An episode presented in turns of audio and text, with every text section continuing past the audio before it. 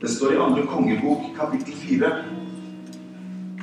Andre kongebok, kapittel 4, fra vers 1 skal jeg lese i Jesu navn. Der står det en kvinne som var enke etter en av profetdisiplene, ropte en gang til Elisha. Din tjener som var min mann, er død. Og du vet at din tjener fryktet Herren. Men nå kommer en som han skyldte penger, og vil ta begge sønnene mine til slave. Elisha sa til henne, Hva kan jeg gjøre for deg? Hva har du i huset?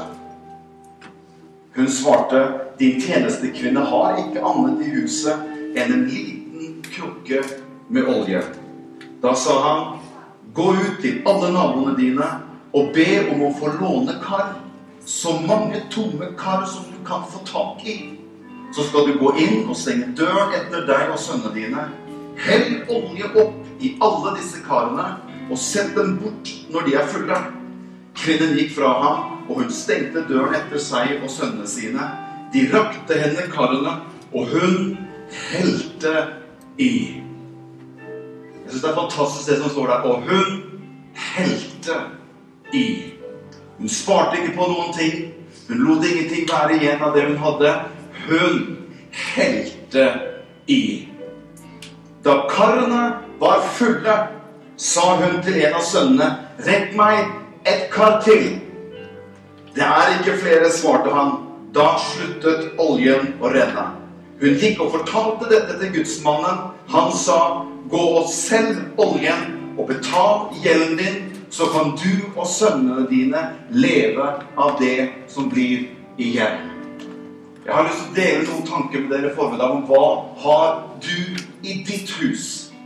Hva har du i din nærhet som Gud kan legge sin ånd på, og sin herlighet på, og sin salvelse på, og som Gud kan la noe overnaturlig begynne å flyte igjennom? Hva har du i huset? Og alt folket sa Amen. Vær så god, sitt ned alle sammen. Først av alt så har jeg lyst til å ønske dere et riktig godt nyttår. Godt å se dere alle sammen. Jesus lever.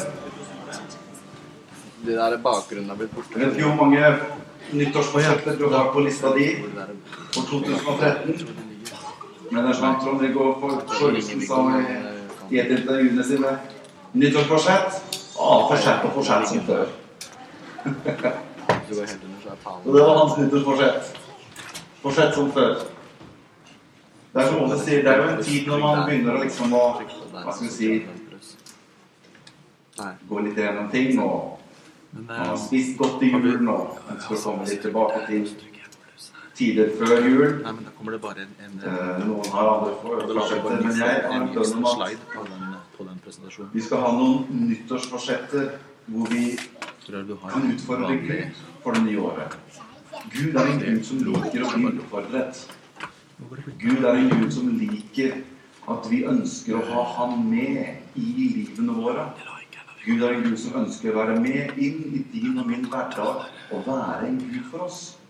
Jeg synes Det er fantastisk å lese om Israels folk som kom ut av Egypten, og se hvordan Gud selv tok initiativet. Han kom og sa 'Jeg vil at dere skal bygge meg et tabernakel'. Jeg vil at dere skal gå i gang og bygge et sted. Og så står så står det så fint 'For jeg vil', står det. Bo midt iblant mitt folk.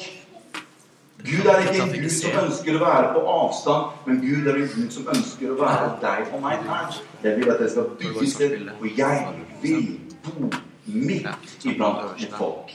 Vet du hvor han er den? Så la oss være med å utfordre Gud. La oss være med å sette noen forsetter i våre liv som kan få være med å se at Gud kan gjøre noe nytt i våre liv i 2013. du der? Ikke sant? La 2013 være et år hvor de ting som du og jeg rømte fra, blir de ting som du og jeg seier om. 2013. De ting som syntes så vanskelig i 2012, det er noe ting som Gud kan gjøre for oss i 2013. La 2013 være et år hvor du og jeg sier, Herre, jeg ønsker at du skal være med enda sterkere i mitt liv i det året som kommer. Jeg vil vokse. Jeg vil gro. Jeg vil innta nye ting som du har for meg i 2013. La det være en bønn for oss alle sammen. Det er gode nyttårsforsetter. Jeg sier det er gode nyttårsforsetter. Amen. Ok. Vi skal gå litt inn i teksten. Eh, jeg syns det er fascinerende å se i denne teksten med Elisha. Det er ingen tvil om at Elisha han er en gudsmann. Det er ingen tvil om at Gud har kalt denne mannen til å bli en sterk gudsmann. Og Det er fantastisk å lese om hvordan Elia, eller Elias, som det står i de gamle oversettelsene, kom og valgte ut Elisha til å være en etterfølger av ham. Elias, Elisha, nå skal vi se, Elisha, han er ute og, og, og, og, pløyer på jordene. Og Elias kommer hans vei. Og det står at Elias tok av sin kappe og så han kastet kappen over skuldrene på Elisha. Og Elisha skjønte hva det var for noe for Elias. Spør han vet du hva som har skjedd her nå, sier han. Ja, han skjønte veldig godt hva som hadde skjedd. Gud hadde valgt ut denne gutten til å gå inn og være en tjener for Elisha. Og være med å tjene under Elisha sitt lederskap. Og jeg synes Det er fantastisk å se hvordan Elias tar denne gutten med seg og fostrer han opp. Og han er en tjener og tjenestegjør under et lederskap. Og det er noe som jeg tror er veldig viktig for oss alle sammen. Det er å kunne ha den evnen til å kunne være med å tjene under lederskap. Det å lære seg å være en tjener og selv stå under lederskap er utrolig viktig. Vi er veldig opptatt av lederskap i vår tid. Du kan lese enormt mange bøker om lederskap. Sunt lederskap, godt lederskap, effektivt lederskap osv. osv. Men jeg tror det er et element som er ekstremt viktig i lederskap, og det er det som har med tjenerskap å gjøre. Jeg tror noen dem vil gjerne hoppe over det som har med tjenerskap å gjøre, og gå rett inn i det som har med lederskap. Men jeg tror at Jesus viser oss et, et utrolig bra eksempel på å være en tjener, men samtidig en leder. Han kom og tjente disiplene sine samtidig som han var en leder. Hvis du ønsker å være en leder og ikke har noe av tjeneren i deg, så vil du ikke stå lenge. Men hvis du bare er en tjener og ikke leder noen ting, ja, da er det ikke sikkert du får gjort så mye heller. Så balansen mellom å være en tjener og en leder er veldig bra. Og dette fikk Elisha erfare under lederskapet til Elias. Jeg vet ikke hvordan, vet ikke hvordan dette hang litt sammen, men, men det virker på meg som at lengselen til Elisha, når han kom sammen med denne gudsmannen som så så ekstremt mye som så Guds kraft utrakt så mange ganger. Jeg vet ikke hvordan Elisha tenkte, men av og til så får jeg en liten følelse av at han startet kanskje litt sånn Er det lov til å kalle det litt sånn egoistisk? Han kommer liksom Du, Elisha. Nei, Elias. Jeg vil ha dobbelt opp av det du har. Og det virker som at motivene til Elisha var liksom ikke helt samkjørte med hans lyst og hans lengsel og hans drøm. Så Det er viktig at dine og mine motiver står i forhold til den lengsel og den drøm vi har. Noen ganger så tror jeg at vår lyst og vår lengsel kan være litt avvikende i forhold til hva motivet bak er. For jeg må alltid spørre meg selv hva er motivet bak? Eller liksom, Hva er motivet ditt bak for at du skal ønske å ha en dobbelt del av den salvelse som hvilte over Elias? Så virker det som at når tiden går, så begynner Elisha å nesten få bli mer glad i gudsmannen Elias enn i gavene som Elias hadde. I kraften som Elias hadde. Det virker som mer og mer så begynner han å omfavne Elias. Og du ser når han blir tatt bort, så roper Elisha 'Min far, min far'. Han hadde begynt å se at det er noe mer Elisha enn at bare Guds kraft skal hvile over deg. Dine motiver bak din lengsel må stå i forhold til din lengsel og din drøm. Og Ofte så er det jo slik at når vi begynner å ransake våre motiver, så vil ofte motivene våre være kanskje litt nærmere sannheten enn kanskje våre lengsel og våre drømmer. Elisha sa 'Jeg vil ha opp av det'. Det er så bra å se når, når Guds kraft og du, du, tar jo bare kappen din, og så bare slår du på elvene, og de deler seg opp, og vi går tørrskodd over, og du får økser Altså, det, det er så ekstremt. 'Jeg vil ha dobbelt opp av det du har'. Flott, Elisha, sier Elias. Bra at du har en lengsel, men dine motiver må stå i forhold. Det må ikke bare være at du og jeg bare søker gavene og søker kraften. Men ditt motiv bak, Elisha, det må være riktig. Og Elisha vokser inn i lederskap sammen med Elisha, som tar ham med. Og helt til slutt så merker du at hans motiver begynner å komme i balanse med hans lengsel, og han får tak i en dobbel del av Elias sin ånd. Etter hvert så skjønner jo Elisha at det er jo ikke bare å fly rundt og dele vann, og, og, og at Guds kraft øh, si, fordeles rundt overalt. Elisha begynner å skjønne at det er en del problemer og utfordringer nettopp det med å tjene Gud. Og han hadde ikke før tatt imot denne kappen som ligger igjen etter Elias. Og han tar opp denne kappen og legger seg på sine skuldre, og han kjenner at her er det jo kraft til stede. Og han har ikke ført delt Jordanelven i to og gått over. Og så begynner utfordringene og problemene for Elisha. Det å tjene Gud, det er ikke bare å utøve kraft. Det å tjene Gud er å komme borti problemer og vanskeligheter og utfordringer. De står i kø for Elisha. Straks han hadde gått over Jordanelven, så møter han på alle disse utfordringene og alle disse problemene. Hvert nivå i liv og tjeneste hør, inneholder utfordringer og vanskeligheter og problemer. Det er ikke slik at når Gud, når Gud bruker deg og meg, så fritar han oss for problemer. Jeg tror ikke det er sånn at Gud fritar deg og meg for problemer i våre liv heller. Jeg, jeg er nok litt sånn at jeg har nok hva skal vi si, opp gjennom årene hva skal vi si, kanskje mer hatt en slags form for tanke om at ja, men, hvis, hvis, du, hvis, du, hvis, du, lever nært nok Gud, så vil du aldri ha noen problemer. Da vil du aldri ha noen vanskeligheter. Da vil du aldri møte noe, noe, noe, noe vanskelig, noe tungt her i livet. Jeg har nok sett det mer og mer. At utfordringer, problemer og vanskeligheter, det er en del av ditt og mitt liv. Det er noe som du og jeg møter gjennom livet. Og jeg vil si på en annen måte Ber Gud om å bruke deg, så ber du Gud om problemer og vanskeligheter. For det vil komme problemer og vanskeligheter. Det er en del av selve livet med Gud. Men jeg er så glad for at jeg kunne få si til deg her i formiddag det er at han er en Gud midt oppe i problemer og vanskeligheter. Han er en gud i problemene og i vanskelighetene og i utfordringene. Og det er det som jeg syns er så utrolig bra. Det står faktisk det at av den som mye er betrodd, skal det kreves desto mer. Så ber du om mer, så kreves det mer. Ja, men dette her er jo ikke herlighetsteologi. Nei, dette her er ikke herlighet, det er virkelighetsteologi. Slik er det. I Jakobs brev kapittel 1 og vers 2 der står det Se det bare Det er nesten sånn at Ja, vi vet det står der, men vi liker det ikke.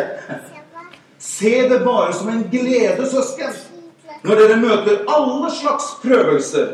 For dere vet at når troen blir prøvet, skaper det utholdenhet. Hør, å leve med Gud vil føre deg og meg inn i vanskeligheter og problemer. Men han er en gud midt i dine vanskeligheter og problemer. Der du synes det er vanskelig og håpløst, ser Gud en mulighet til å vise seg selv stor. Det er jo det som er hele poenget. Hvis du og jeg aldri hadde en vanskelighet eller aldri hadde en utfordring, ja, hva trengte vi Gud for da? Men det er jo midt i vanskeligheter, det er jo midt i problemer, at han som vi tror på, kan vise seg stor og virkningsfull inn i din og min situasjon. Ønsk ham heller inn i din vanskelighet og i ditt problem. La han få lov til å vise seg stor. La han få lov til å vise at 'jeg er nær deg'. For det er det som står så veldig bra i Salme 46 vers 2. Det står 'Gud er vår tilflukt og styrke'. Han er en hjelp i nødens stund. En hjelp som alltid er nær. Kan jeg få si 'alltid'? Det var ikke Det var en gang til. Alltid! Det er alltid. Han er en som alltid er nær i nødens stund. Og det står faktisk i Salme 50 vers 15 det står det Kall på meg På nødens dag så vil jeg utfri deg, og du skal gi meg ære. Halleluja. Vi møter vanskeligheter, utfordringer og problemer, men han er en Gud som ønsker å vise seg stor midt i våre vanskeligheter. Stor midt i våre utfordringer i livet vårt. Og du skjønner, det er dette som Elisha møter når han møter denne kvinnen som vi leste om i starten. For han kommer til denne kvinnen, og kvinnen åpner opp døren for Elisha og begynner å legge ut sin frustrasjon. For det som er så rart å legge merke til i denne teksten, her, det er at hun, hun på en måte virker, hun virker frustrert. Hun virker som at hun ikke får tingene helt til å falle på plass. For hun sier 'Elisha! Det er noe som ikke, det er noe som ikke stemmer.' Du skjønner, Den mannen som var en disippel av deg, til og med han er død. Og så sier hun Og du vet, Elias, Elisha, at han var en mann som virkelig fryktet Herren. Så det, det, det, er ikke noe galt. Vi har gjort alt riktig. Vi har fulgt alle de punktene vi skulle følge for at livet vårt skulle være bra. Vi har fulgt alle de ti punktene for seier i hverdagen eller hva som helst. Vi har gjort alt riktig. Og enda, sier denne damen, så er min mann død. Og ikke nok med det. Det er en mann som han skyldte penger, og han har kommet for å hente begge sønnene mine. Denne kvinnen er frustrert. Hvorfor kan noe slikt skje? Og spørsmålet til deg og meg er hvorfor kan slikt skje når du og jeg i utgangspunktet gjør alt riktig i gudslivet vårt? Hva gjør du når tingene ikke fungerer slik som du og jeg skulle ønske det i vår situasjon, og vi kommer opp i vanskeligheter og problemer. Og denne kvinnen åpner opp sitt hjerte og sin frustrasjon for denne gudsmannen Elisha. Og hun venter på et svar fra denne mannen. Men istedenfor å få et svar, så får hun bare spørsmål tilbake. For Elisha sier, 'Hva kan jeg gjøre for deg?' Ja, men jeg ber ikke om et spørsmål, Guds mann. Jeg ber om et svar. Og så sier Elisha, 'Hva har du i huset?' Og nå er vi inne på selve kjernen. Er vi inne på akkurat der som jeg ønsker å dvele litt med. For du skjønner det Og dette her syns jeg er så fantastisk med Gud. For skjønner, Gud er en Gud som i seg selv er ekstraordinær og allmektig. Men han er en Gud som bruker de ordinære ting i livene våre. De ting som er nær til oss, de ting som ligger i livene våre, de ting som vi har i våre omgivelser og i vår nærhet, det er de tingene Gud ønsker å bruke. Derfor spør han denne kvinnen hva har du i ditt hus? Hva har du som du har i din nære omgivelse?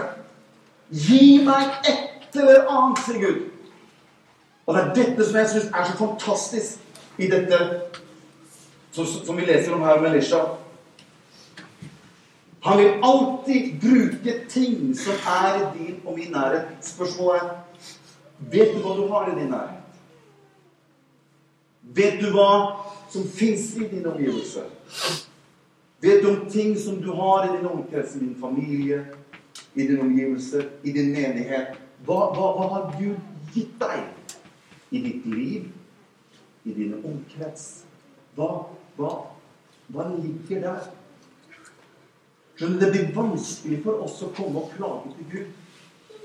Når vi overser de ting som Gud nettopp har gitt deg og meg for å vise sin storhet igjennom. Det er det samme som jeg får ikke opp denne døren. Jeg men si Gud, men ser du ikke den nøkkelen som ligger der? Ja, den lille nøkkelen der. Bare begynner litt av Den er jo helt ubetydelig. Det er jo helt ordinært. Du må skjønne, Det er nøkkelen til å låse opp døren. Selv den lille nøkkelen kan hjelpe deg til å låse opp den døren. Og det er det jeg mener. Hva har du i dine omgivelser, i ditt liv, nær inntil deg? Og det var dette gudsmannen prøvde å få denne kvinnen til å begynne å se.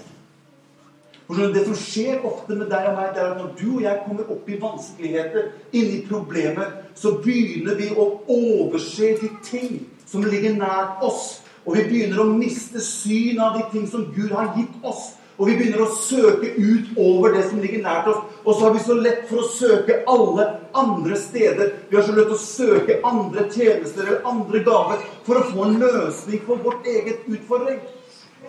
Enn at Gud har gitt alle mennesker. Han har skapt deg og meg på en slik måte at det du har i deg selv, har Gud konstruert slik at han kan vise sin storhet igjennom å være med å lede deg og meg igjennom livet vårt.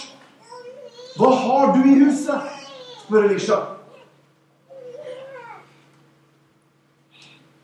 Det er det samme som Jesus spør når disippelen kommer til Jesus. Se, her er det 5000 menn foruten kvinner og barn. Så sier Jesus men har vi noe i det hele tatt? Ja, vi, vi, vi har fem fisker og to små brød. Bring det til meg. La meg få lov til å gjøre noe ekstraordinært ut ifra det ordinære du har. Gud, her er tusen filister rundt meg som vil ta meg. Hva gjør jeg for noe? Hva har du i nærheten av deg, Samson? Å, jeg har en kjeve fra et esel. Bruk det! La meg få lov til å vise min storhet igjennom det som jeg har gitt deg, som er nært inntil deg. Ikke overse de små, ordinære ting som kanskje i dine og mine øyne virker så ordinært. Det virker så enkelt at det er nesten for godt til å være sant. Ja, Men Gud kan da vel ikke bruke dette for å løse den situasjonen som jeg er oppe i? Jo, han kan det! For Gud ønsker å gjøre noe ekstra ut av vårt ordinære. Så hvis vi har det ordinære, og Gud er ekstra, og vi legger Guds ekstra til vårt ordinære, hva får vi da? Ekstraordinært. Det er da han kan begynne å virke i livene våre. Halleluja. Og det som jeg syns er, er litt spennende, det er at Elisha stiller denne kvinnen spørsmål. Sier først 'Hva kan jeg gjøre for deg?' Og så sier han 'Hva har du i huset?' Og Det er så rart å gå og lese opp igjennom Bibelen, i Gamle testamentet og i Det nye testamentet, hvordan gudsmenn og Jesus også spør spørsmål. Adam, hvor er du? Skulle noe være for vanskelig for meg? Kain, hvor er din bror? Moses, hva er det du har i hånden din? Esekiel, tror du disse ben kan komme til live igjen? Jesus spør, hva vil du at jeg skal gjøre for deg? Hun spør denne kvinne, hva har du i huset? Og det er som en lisja. Det er som på en måte noe av prinsippet når Gud stiller et spørsmål. Så stiller han ikke spørsmål fordi at han er uvitende. Nei, vår Gud, han er allmektig. Vår Gud, han vet alt. Han er fra begynnelsen og til begynnelsen. Han er den evige jeg er. Han er altvitende. Han vet alt. Og enda så stiller han spørsmål. Hvorfor gjør han det? Han ønsker at kvinnen skal begynne å se. Han gir et lite hint til denne kvinnen. At hun skal begynne å se litt i sin nærhet hva Gud har gitt henne. Så at ikke hun overser det som Gud har velsignet henne med. Ja, men det var så lite. Ja, men hva er det for noe? Begynn å se etter. Hva har du i ditt hus? Og du som sitter her i formiddag, hva har Gud gitt deg? Hva har du i dine omgivelser? Jeg tror vi skal bruke 2013 til å begynne å se litt rundt oss selv. Hva har Gud gitt deg? Hva er ting som jeg har rundt meg? Og mange ganger vil du å se Ja, men det der, det er bare ubetydelig. Nei, det der er nok sikkert ikke. Vi måler alltid tingene opp imot en slags form for overåndelig standard. Men det er ikke det Gud er på jakt etter. Han er på jakt etter noe han kan bruke for å vise sin storhet igjennom. Amen. Jeg synes det er fantastisk Når Gud stiller et spørsmål, så virker det som at noe er i ferd med å skje. Hva vil du at jeg skal gjøre for deg? Og du skjønner, jeg er blind, men jeg ønsker å få synet litt tilbake. Han gir Jesus noe å jobbe med. Og denne kvinnen svarer Elisha tilbake. Jeg har ikke noe annet enn en liten krukke med olje. Du og jeg vi er nødt til å gi Herren noe som han kan begynne å jobbe med. Du er nødt til å gi noe ifra deg til Gud som han har muligheten til å kunne velsigne.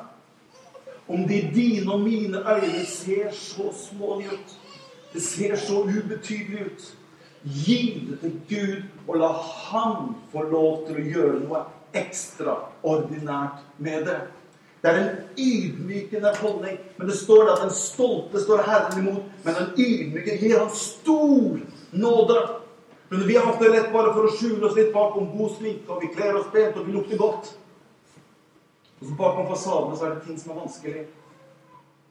Jeg har en bønn om at denne menigheten skal ikke være en menighet og vi ikke kan få lov til å være ærlige med hverandre på hvordan vi har det. Jeg ønsker at dette stedet skal være et sted hvor du har lov til å si vet du hva, Akkurat nå så står det ikke så veldig bra til. Og så kan vi være med og hjelpe hverandre med hva har det for noe? Hva kan vi, hva kan vi tro Herren for? Hva, hva, hva, kan vi, hva, kan vi, stå sammen med deg om? Det står at den sterke er skyldig til å være med å bære den svake. Jeg tror ikke det går ut på at jeg skal gå rundt og bære på en svak. Men jeg skal være med å hjelpe den svake til å få opp øynene, som Elisha gjør med kvinnen. Hva har du for noe? Hva kan vi, hva kan vi legge for, foran Jesus? Hva kan vi gi ham for noe? Herre, det er et helt folk som ikke har noe å drikke. Hva gjør jeg for noe? Gud sier til Moses, hva har du i hånden din? Dette det er bare en gammel trestokk. Men det holder for meg, sier Gud. Bruk den trestokken og slå på fjellet. Og Moses han slår med denne ubetydelige trestokken på klippen, og vann fosser ut av klippen og gir hele folket vann, slik at de stiller sin tørst. Det ubetydelige viste Gud sin herlighet gjennom. Halleluja.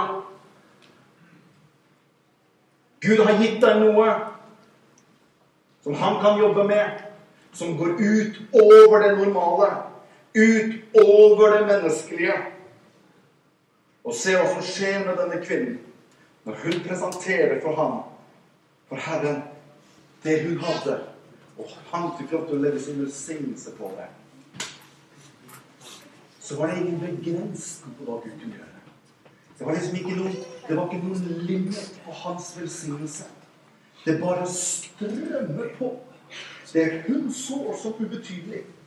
Det ble en velsignelse. Hun kunne gå og betale hele gjelden sin. Og hun hadde nok til overs for å leve på for seg selv og sin familie. Jeg kunne, jeg kunne ønsket å Det er utrolig mye sånn enn den økonomiske tingen Jeg, jeg skal ikke gå dit, for det er en egen tale i seg selv. Men det har noe med at når du presenterer noe for Gud, og hans velsignelse får lov til å begynne å komme over det så kan noe overnaturlig begynne å skje. Halleluja. Og jeg har en bønn om at Gud skal legge en lengsel ned i ditt og mitt liv for dette året her. Og at du og jeg skal begynne å se litt rundt oss. Og ikke ta ting for gitt. Ikke ta en hilsen fra en søster eller en bror som kommer og sier noe positivt. Ikke ta ting for gitt. Let etter. Vær på, vær på vakt. Vær, oppmerksom på ting i dine omgivelser. En telefonsamtale, en mail som kommer inn, en, en, en liten hilsen. Et eller annet som du får. Kanskje Herren er hos Herre. Kanskje Han er der. Halleluja. Jeg har skrevet her Når du vet hva du har å jobbe med, kan Gud ta deg langt utover det du hadde drømt og tenkt. Når du vet hva du har, kan Gud ta tak i det og bruke det langt utover det du har. Ikke se for smålig på det du har. Vær frimodig med det. Og si, 'Herre, jeg vet at dette her er ikke så mye.'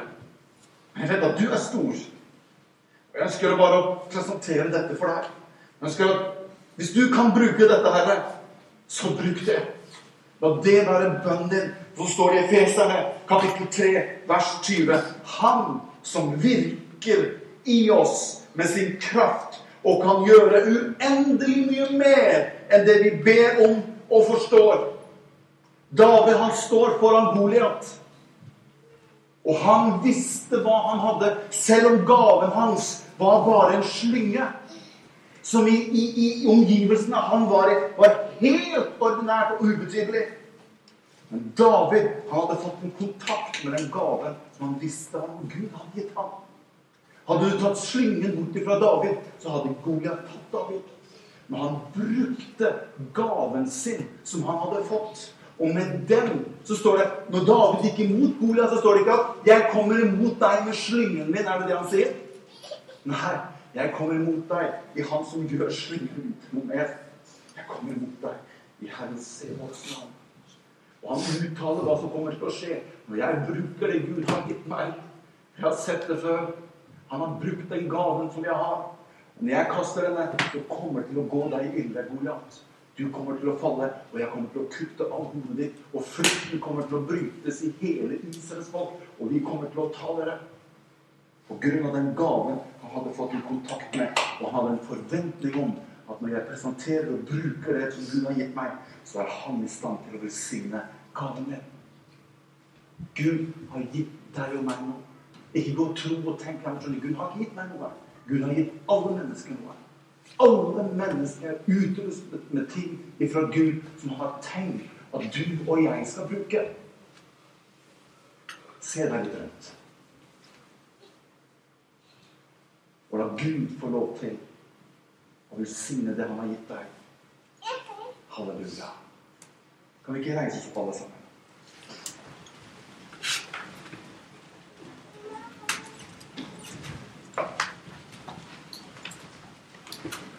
Halleluja. Kan vi bare spille litt? Jeg har bare lyst til at Den hellige ånd skal bare ta en liten stund hvor du kan å stå litt innenfor ditt skaper. Han som formet deg i din mors liv. Han som skapte deg nøyaktig slik som du er. Han har ikke angret på en millimeter av det han har skapt. Det var fullkomment i Guds øyne. Han skapte deg sånn som du er, for en hensikt. Han skapte deg slik som du er, med ting i ditt liv for en hensikt. Han ønsker å vise seg stor gjennom ditt liv. Han ønsker at du skal få lov til å være ydmyk for ham og si Gud, det er ikke så mye det jeg har, føler jeg var for selv. Hvis du kan bruke det, her, så er jeg villig til å stille meg disponibel. Hvis du kan ta tak i det som jeg har, Herre, så er jeg villig til å gi det til deg, slik at du kan bruke det.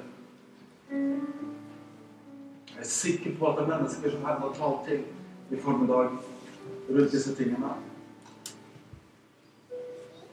Gud har gitt deg noe. Se ikke for smått på det. Å, Herre. Kjenner jeg veldig Ånd virke for mennesker her. Jesus, Jesus. La Gud få tale til deg. La Gud få vise deg noe mens du står der nå. Som kan være en løsning i ditt problem og din vanskelighet som du kanskje er oppi akkurat nå.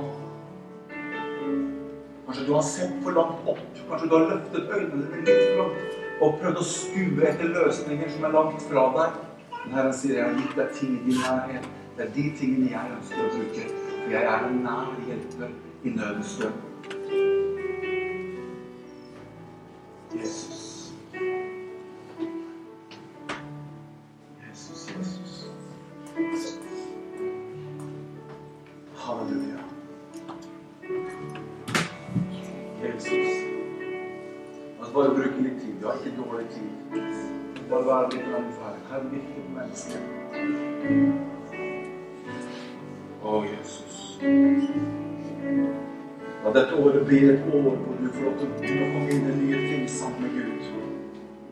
La dette er et år hvor du begynner å komme inn i ting som Gud har lenge lengtet etter å få deg inn i.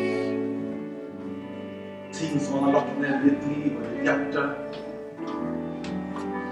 Du har bare tenkt på at det er bare ubetydelig. Det er ikke noe. Nei, menneskelig sett så er det ikke noe. Men det er nettopp det Gud trenger. Det som ikke er noe i seg selv. Det er utvalgt i Gud selv. For å vise sin herlighet Du må gi ham det. Du kan ikke bare holde det for deg selv. Du nødt til å presentere det for ham, så han får ha noe å virke igjennom. Halleluja. Kan vi bare lukke øynene der vi står?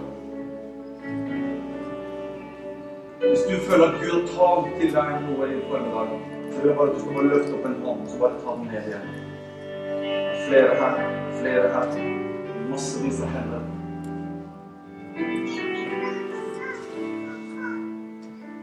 Far, jeg priser deg for at du er her. For at din ånd er til stede, Jesus. Ber deg, Herre, for de som har rakt opp sine hender. Jeg ber om at du skal fra denne dagen begynne å ta tak i tingene.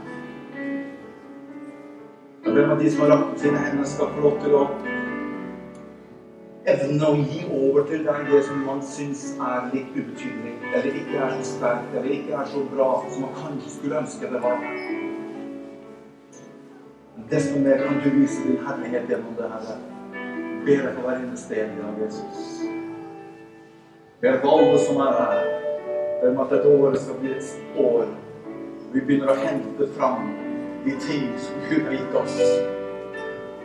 De ting som er lagt der, men som har blitt oversett. Skal begynne å hente det fram igjen. Tenk på nytt igjen, sa Paulus til Timoteus. Tenk på nytt igjen den nådegave som du fikk. Du har gått i mange, mange år og har ting i ditt hjerte som Herren har gitt deg. Så begynner ting å visne, begynner ting å bli borte for deg.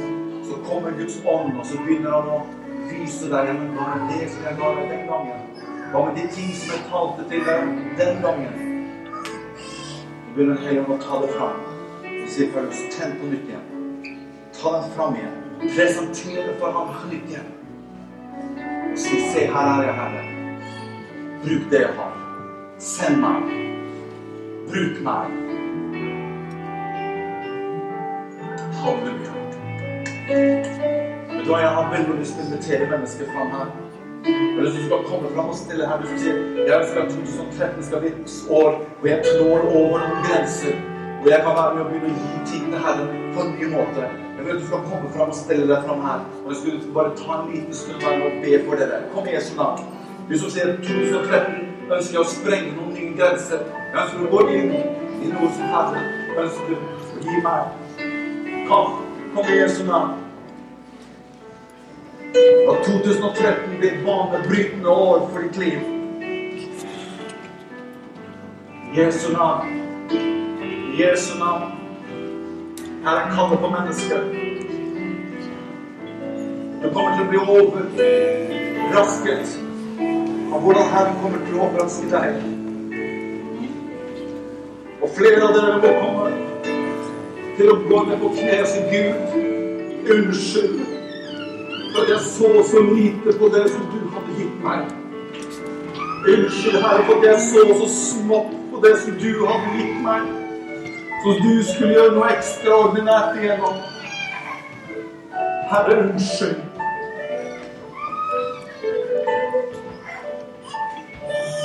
Hellige ånd er her. Far, jeg takker deg for at du er her. Du skal få lov til å se hvordan Gud begynner å sprenge grenser, men du må gi ham det. Du må presentere det for ham. Kommer ikke og tar det. Du må være bevisst på det du har, og det som Herren har gitt deg. Og du skal få lov til å se at min herlighet skal begynne å strømme gjennom deg, sier Herren. På en ny og sterkere måte.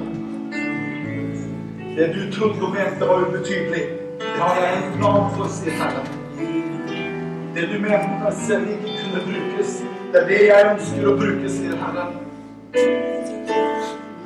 Løft det opp for meg, sier Herren. Løft din gave opp for mitt åsyn, og la min ånd få begynne å komme over det. og begynne å virke på det, så skal du få lov til å begynne å se hvordan ting begynner å skje rundt deg. Og igjen det som jeg har gitt deg, sier Herren. Halleluja. Dere som står nede, kan ikke dere være med? Så rekker vi hendene fram som står framme her. Så ber vi en forløsende bønn om at Den hellige ånd skal begynne å forløse ting inn i livene til de som står her. Her er det masse potensial. Som vi hørte at én manns rettferdige bønn har stor kraft og stor virkning. Tenk på hva som kan skje når vi begynner å gi de ting som Gud har gitt oss, over til ham. Halleluja. La oss be sammen. Halleluja. Jesus, takker deg for at du er den største, den høyeste, den mektigste. Takk for at du har gitt oss i våre liv, Herre. Jeg ber deg, Hellige Ånd, om at du begynner å kalle fram, Herre, de ting som du har lagt ned de som har kommet fram her. De ting som de står og tenker på, de ting som de står og, og, og husker tilbake på. Jeg ber deg, Hellige Ånd, om at du på nytt skal begynne å ta tak i ting. Jeg ber om at du skal åpne de indre øynene hos mange som står her, til å begynne å se på omgivelsene sine på en ny måte. Se på ting rundt seg på en annen måte og være med å lete etter Herre, kan du bruke dette? Herre, kan dette være noe som du kan ta tak i? Og vi skal få se hvordan Gud, hvordan du begynner å virke gjennom deres liv. Hellige Ånd, jeg ber deg, la oss be dere. La oss forløse Guds ånd over disse som kommer fram. I Jesu navn. I Jesu navn. Hellige Ånd, virk på dem. Hellige Ånd, fød fram i deres liv det som du har for dem. I Jesu og Nasarets navn. I Jesu og Nasarets navn. Vi forløser ut gaver. Vi forløser ut ting som du har gitt dem. I Jesu navn. I Jesu navn. Ikke se for smått på de ting som du har fått. Ikke se for lite på de ting som du har gitt deg i din nærhet. For jeg sender til å låse opp det som Gud har for deg. Halleluja. Å, vi priser deg, Herre. Vi lover deg. Bare ta imot Gud. Gud, jeg helt opp betjener dere mens dere står der. Dere trenger at noen legger hendene på dere. Han er der inne. Han er der nær. Han betjener deg der du står. og har opp ditt hjerte. og åpnet deg for ham. La han få lov å betjene deg. Akkurat der hvor du står. I Jesu navn. I Jesu navn. Å, vi priser deg, Herre. Vi lover deg. Han er i stand til å gjøre langt utover det vi forstår, og be ham om. Halleluja. Oh, Jesus, Jesus, Jesus! Halleluja. Jesus, Jesus, I Pana Bogu.